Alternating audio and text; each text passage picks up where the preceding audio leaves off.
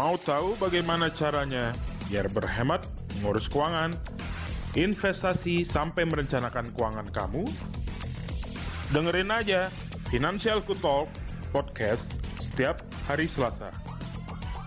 Mari kita sambut host kita, Melvin Mumpuni. Halo Sobat Finansialku, kembali lagi bersama saya Melvin Mumpuni CFP, perencana keuangan dan juga founder dari Finansialku.com. Oke, menemani kesibukan Anda hari ini, dalam podcast kali ini saya ingin membahas sebuah topik yang keren banget untuk para milenial, yaitu tentang investasi.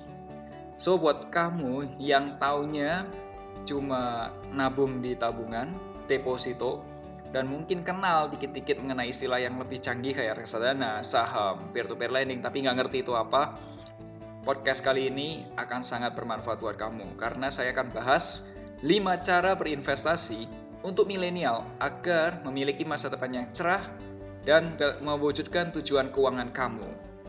Oke, siap? Nah, teman-teman pernah nggak sih kamu merasa hmm, kelihatannya keren ya kalau ngomongin tentang investasi gitu. Tapi no idea gitu. Gak ada gak ada gak ada ide gitu. Gak, gak ngerti apa yang mau dibahas gitu mengenai investasi.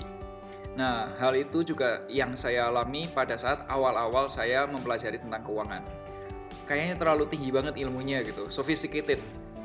Padahal sebenarnya itu ilmu keuangan atau investasi itu bisa dipahami dengan sangat mudah kalau memang kita tekun gitu Nah pada waktu itu pertama, buku pertama yang saya baca mengenai tentang investasi sendiri adalah bukunya Robert Kiyosaki yang judulnya adalah Guide to Investing atau uh, panduan untuk berinvestasi. Di salah satu bagiannya ada bagian ditulis gini, quotes-nya, Before you invest in something, invest the time to understand it. Artinya apa? Sebelum kita investasi uang kita, Rp 100 ribu lah atau 200 ribu lah, itu kita invest dulu di waktu, kita belajar, nah kita pahami dulu produknya. Supaya apa? Hal itu akan mempermudah kita atau mengurangi risiko kita terhadap kerugian karena ketidaktahuan.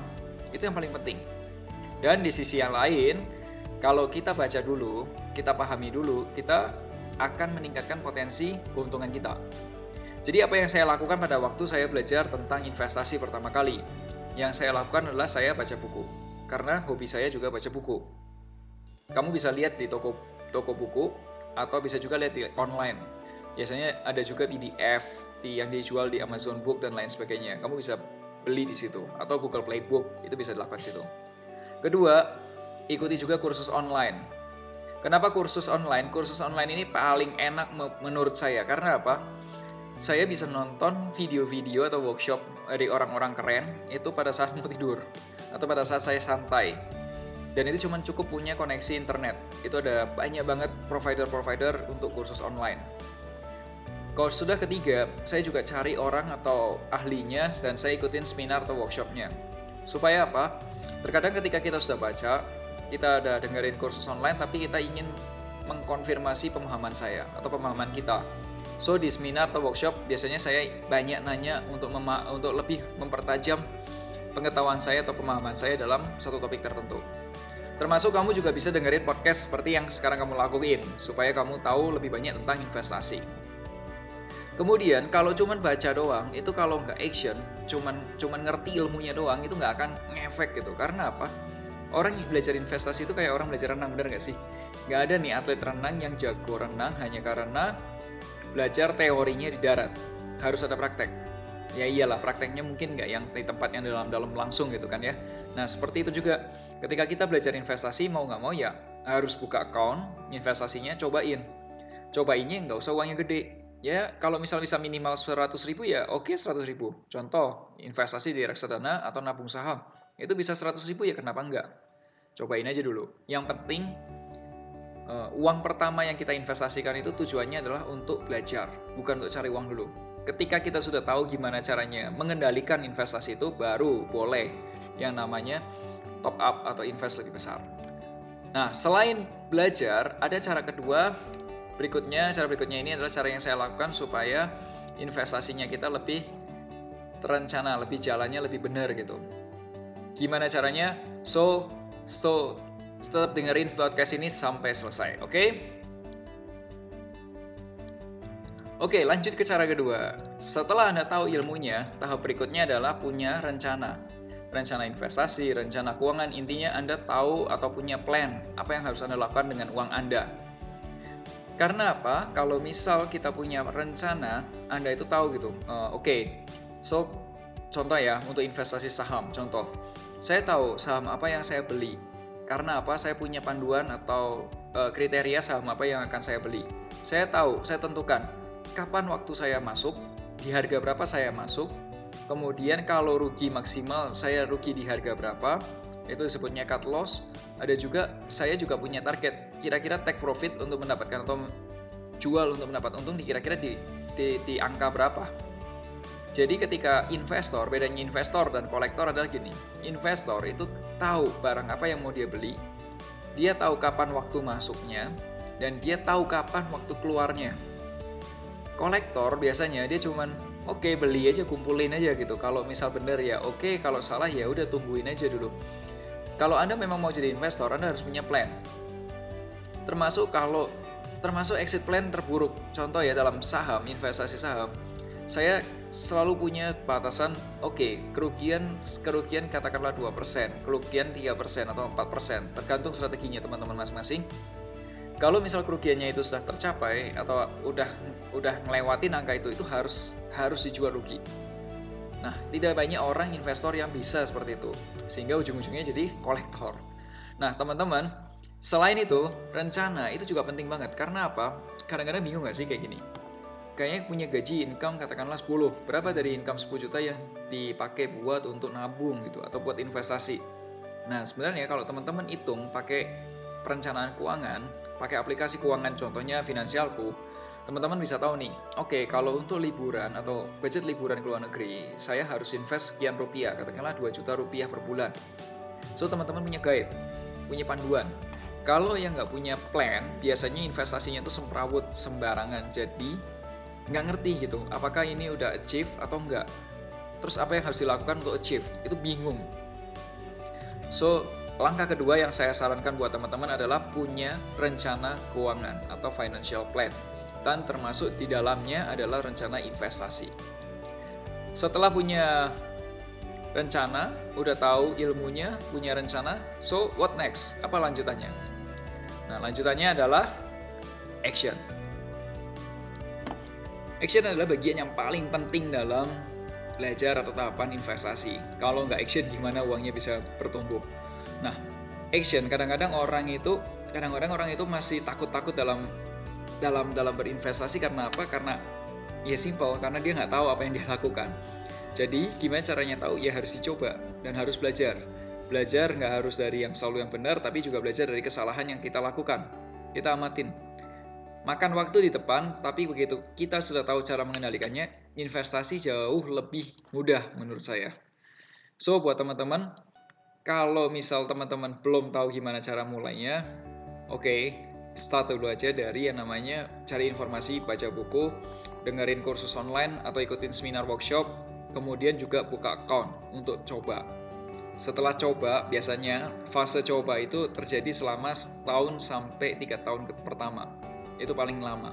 Kalau misal uh, kita tekuni di bidang tertentu setahun sampai tiga tahun, itu biasanya kita menjadi lebih banyak tahu dan lebih banyak pengalaman. Di tahun keempat biasanya kita jauh lebih cepat untuk bergerak atau lebih paham atau lebih lincah untuk menjalankan investasi.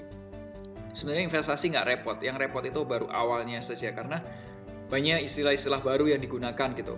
Ya, ada hitung hitungan, ada perhitungan yang kelihatan rumit, ada rumus-rumus yang kelihatan apa ya nggak familiar, kemudian ada bahasa-bahasa atau term atau kosakata baru yang harus di pelajari biasanya seperti itu. Tetapi kosakata-kosakata tersebut kalau kita pelajarin, kita tahu bahasanya mereka, kita tahu uh, diksi kata atau pilihan kata yang dipakai, biasanya belajar tentang investasi itu nggak terlalu sulit. Intinya seperti itu. Karena apa? Kalau misal kita tahu ilmunya, kita kita udah jalanin, sudah cobain, kita udah buka investasi yang pertama atau akun investasinya udah coba, di situ kita sudah bisa mulai testing sampai kita jadi ahli di satu titik. Kalau misal ada nggak jalan cepatnya gitu, gimana caranya biar fast track? Oke, okay, fast track. Caranya fast track adalah cari mentor atau cari advisor atau cari orang yang memang lebih tahu mengenai hal itu dan belajar dari mereka. Emang ada harga yang harus dibayar, yaitu uang rupiah. Anda harus ikut pelatihan atau Anda ikut uh, suggestion atau some, atau seperti uh, something like that lah. Anda konsultasi gitu. Ada yang harus dibayar.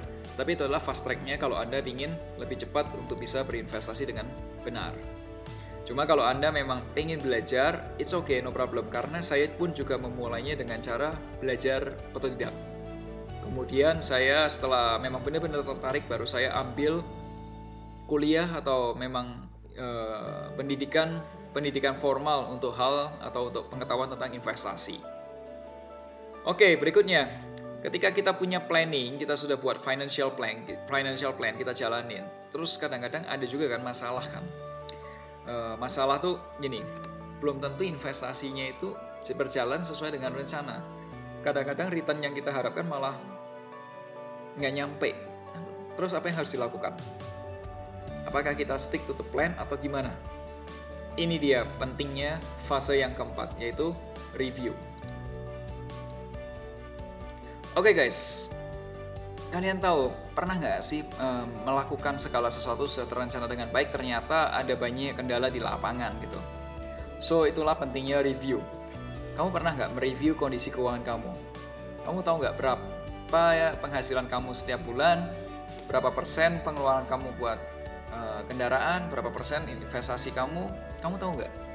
Terus kemudian sudah berapa lama kamu, mungkin buat teman-teman yang sudah pernah berinvestasi pernah nggak kepikiran sudah berapa lama berinvestasi dan berapa returnnya? Apakah ada ya sesuatu goals yang bisa kebeli dengan hasil investasi tersebut? Nah, kalau kamu sudah terbiasa berinvestasi, cuma kamu nggak tahu nih sekarang kondisi keuangan atau kondisi investasi saya seperti apa, kemudian saya nggak tahu nih uang ini cukup nggak untuk tujuan-tujuan keuangan saya jangka menengah atau jangka panjang. Nah, itu artinya teman-teman ada masalah di review dan ada masalah di planningnya. Jangan-jangan pada waktu teman-teman investasi itu cuma seperti ini. Oke, punya uang sekitar katakanlah sekitar 20 jutaan, misal dapat dari dari bonus, dapat dari THR dan lain sebagainya atau kumpulan dari tabungan, terus langsung dibeliin saham gitu. Dah, diam tutup aja gitu. Nanti lihat 5 tahun lagi, lihat 10 tahun lagi, uang 20 jadi berapa. Nah, kalau cara investasi Anda seperti itu, benar nggak sih? Nggak salah, tapi saya nggak sarankan seperti itu. Karena apa? Karena cara seperti itu tidak bisa mengoptimalkan investasi Anda. Uang Anda bekerja, ya betul bekerja, tapi nggak tahu e, kerjanya benar atau enggak gitu. So yang saya sarankan adalah investasi itu perlu yang namanya adalah review. Dicek kembali, apakah hasil investasi ini benar atau enggak. Kalau sampai terjadi kesalahan, kita bisa lihat lagi nih. Apakah kita revisi di plannya, apakah kita revisi di cara investasinya, kita revisi di produk investasinya, atau revisi periodenya, atau apa pun. Tapi Anda punya plan, Anda punya rencana backup untuk memperbaiki itu. Tapi kalau Anda nggak punya review, atau nggak, Anda nggak terbiasa untuk mereview, biasanya tiba-tiba hancur aja. So, saya tidak sarankan seperti itu karena dalam hal perencanaan keuangan, saya sendiri pun juga selalu melakukan review berkala. Nggak setiap hari juga sih, ya paling nggak dalam sebulan itu saya sudah ngecekin semuanya paling nggak ada dua kali atau tiga kali untuk review investasi ya saya. Kalau kamu sendiri berapa lama biasanya review berkala investasi kamu? Oh ya, materi ini saya sampaikan juga di blog Fintalk di website finansialku.com. Kalau kamu ada yang ketinggalan atau kamu pengen tahu lebih banyak, kamu bisa komen di sana. Atau ada juga mungkin ebook ebook reksadana atau ebook saham kalau kamu pengen download silahkan aja di situ sudah tersedia. Ada di websitenya Finansialku. Judulnya adalah judul artikelnya adalah Fintalk 4 kali ini. Oke terakhir. Setelah review apa yang harus dilakukan? Kadang-kadang setelah review kita tahu nih apa yang sudah jalan apa yang nggak jalan. Nah dari yang nggak jalan ini kita cariin rencana berikutnya. Dan buat plan baru untuk menjalankannya lagi Simply seperti itu. Contoh ya, saya pernah nggak mengalami hal itu? Rencana keuangannya saya buat nggak jalan? Ada. Pada waktu itu uh, ada kesalahan dalam memilih produk investasi. Nah, yang saya lakukan adalah saya lihat nih, ternyata hasil returnnya hasil return masa lalu ternyata nggak sesuai sama yang ke depannya karena apa? Karena pada waktu itu produknya adalah reksadana dan saya lihat wah ternyata ada perubahan dari strategi berinvestasi manajer investasinya. Jadi ada perubahan sehingga pemilihan saham atau portofolio di dalamnya itu kurang bagus. Jadi yang targetnya saya punya target sekitar 15% setahun, dia cuma bisa dapat sekitar 7 atau 8% setahun. Itu jauh banget. So yang saya lakukan adalah daripada kelamaan nunggu hasilnya atau seperti apa ya udah oke okay, sekarang saya putusin karena tujuannya saya butuh goalsnya saya adalah target investasi 15% ya saya cari produk mana investasi mana yang 15% pada waktu itu akhirnya saya jual produknya reksadana yang yang kurang perform itu. Kemudian saya cari reksadana lain yang memang sesuai sama kebutuhan saya yang bisa mencapai atau bisa sesuai dengan target tujuan keuangan saya. Nah setelah saya revisi, ya saya pantau lagi, saya lihat lagi apakah ada permasalahan atau apakah uh, produk yang baru ini sudah sesuai dengan rencana saya. Jadi simply permainannya, simpelnya permainan investasi atau investasi itu adalah sesuai adalah sebuah rencana yang dijalankan dan di, di review berkala. Investasi itu bukan sistemnya yang punya uang banyak, gak udah masukin aja, berharap uang 100 ribu jadi satu miliar. Gak seperti itu juga. Investasi tidak seperti itu. Nah, kalau Anda kalau Anda kalau Anda masih berpikir itu investasi itu sebagai sesuatu yang luar biasa sulit dan rumit, hmm, mungkin Anda perlu mulai dengan yang paling simple. Apa kira-kira produk investasi yang paling simple buat para millennials pemula? Jadi kayak gini, kalau saya sarankan, produk pertama yang mungkin bisa Anda beli adalah produk reksadana. Reksadana itu gampangnya seperti ini. Reksadana itu adalah uh, ibarat kamu nyetir mobil tapi kamu nggak nggak bisa nyetir mobil jadi kamu pengen naik mobil tapi nggak bisa nyetir mobil maka kamu hire atau kamu gunakan driver yang sudah profesional atau supir yang memang sudah profesional. Kamu bayar setirin.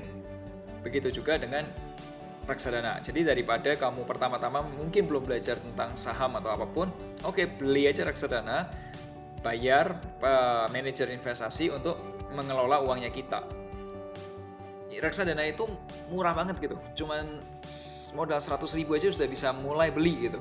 Kalau kamu mau beli yang pertama kali cari yang namanya pasar uang atau money market. Kenapa? Kenapa produknya money market? Karena reksadana itu adalah reksadana yang paling tidak fluktuatif harganya. Jadi cenderungnya harganya tuh harga ya sekitar keuntungan sekitar 5-6% sekitar segitulah Nah, kalau kamu sudah terbiasa dengan cara kerja reksadana, kamu bisa cobain deh reksadana pendapatan tetap, campuran, dan juga saham. Nah, sambil berjalannya waktu, kamu juga belajarin juga investasi yang lebih lebih lebih lebih berisiko, punya potensi risiko lebih tinggi, dan juga potensi gain lebih tinggi yaitu kayak saham. Terus juga coba cek kayak peer-to-peer lending dan lain sebagainya. Oke okay guys, so kita review hari ini apa aja yang kita bahas. Jadi, kalau kamu milenial belum tahu tentang investasi atau dengar investasi tapi no have idea apa itu, pertama yang kamu harus lakukan adalah investasi ke leher ke atas. Pelajarin dulu, baca buku, ikutin seminar, kemudian udah mulai miliki miliki account untuk testing, kita cobain dulu buka account investasi saham atau investasi reksadana udah cobain dengan uang yang modal yang terbatas atau modal yang masih bisa Anda kendalikan, mungkin katakanlah modal minimum 100 ribu, 200 ribu, it's okay. Terus Koda juga bikin rencana keuangan, termasuk dalamnya rencana investasi. Jalanin aja rencananya, dan lakukan review berkala. Setelah review berkala, apa pun hasilnya, apalagi kalau hasilnya kurang sesuai dengan tujuan atau kebutuhan Anda, lakukan revisi dan jalankan lagi. Oke guys, itu tadi 5 hal yang saya bahas mengenai tentang investasi awal. Podcast berikutnya saya akan bahas mengenai investasi yang lebih sophisticated atau yang lebih canggih lagi, yaitu mengenalkan tentang yang namanya reksadana. Oke, sampai jumpa di podcast berikutnya dan jangan lupa make a plan and get your financial dreams come true.